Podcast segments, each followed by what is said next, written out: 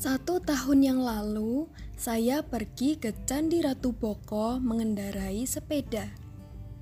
Jarak antara rumah dan candi biasanya ditempuh dalam waktu 15 menit.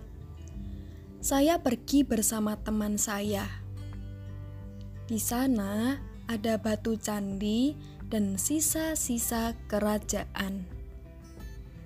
Ketika sore hari, matahari tenggelam sangat indah. Pada pukul 4 sore, saya menjemput teman saya ke rumahnya.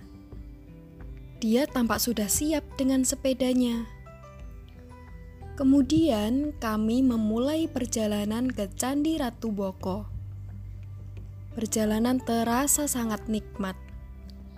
Udara tidak terlalu panas dan banyak pohon-pohon rindang. Setelah 10 menit perjalanan, saya merasa ada yang tidak benar dengan sepeda saya. Ketika sampai jalan yang menanjak, ban sepeda saya bocor. Selanjutnya, kami mendorong sepeda dan mencari orang yang bisa menambalnya. Namun, di tempat itu tidak ada tukang tambal ban. Kami harus berjalan turun selama 15 menit untuk kembali dan menambal ban sepeda. Ternyata ada paku kecil yang menancap di ban. Setelah itu, kami melanjutkan perjalanan.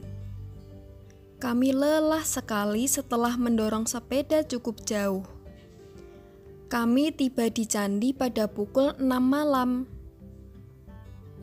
Dan candi sudah tutup. Akhirnya, kami tidak jadi melihat matahari terbenam.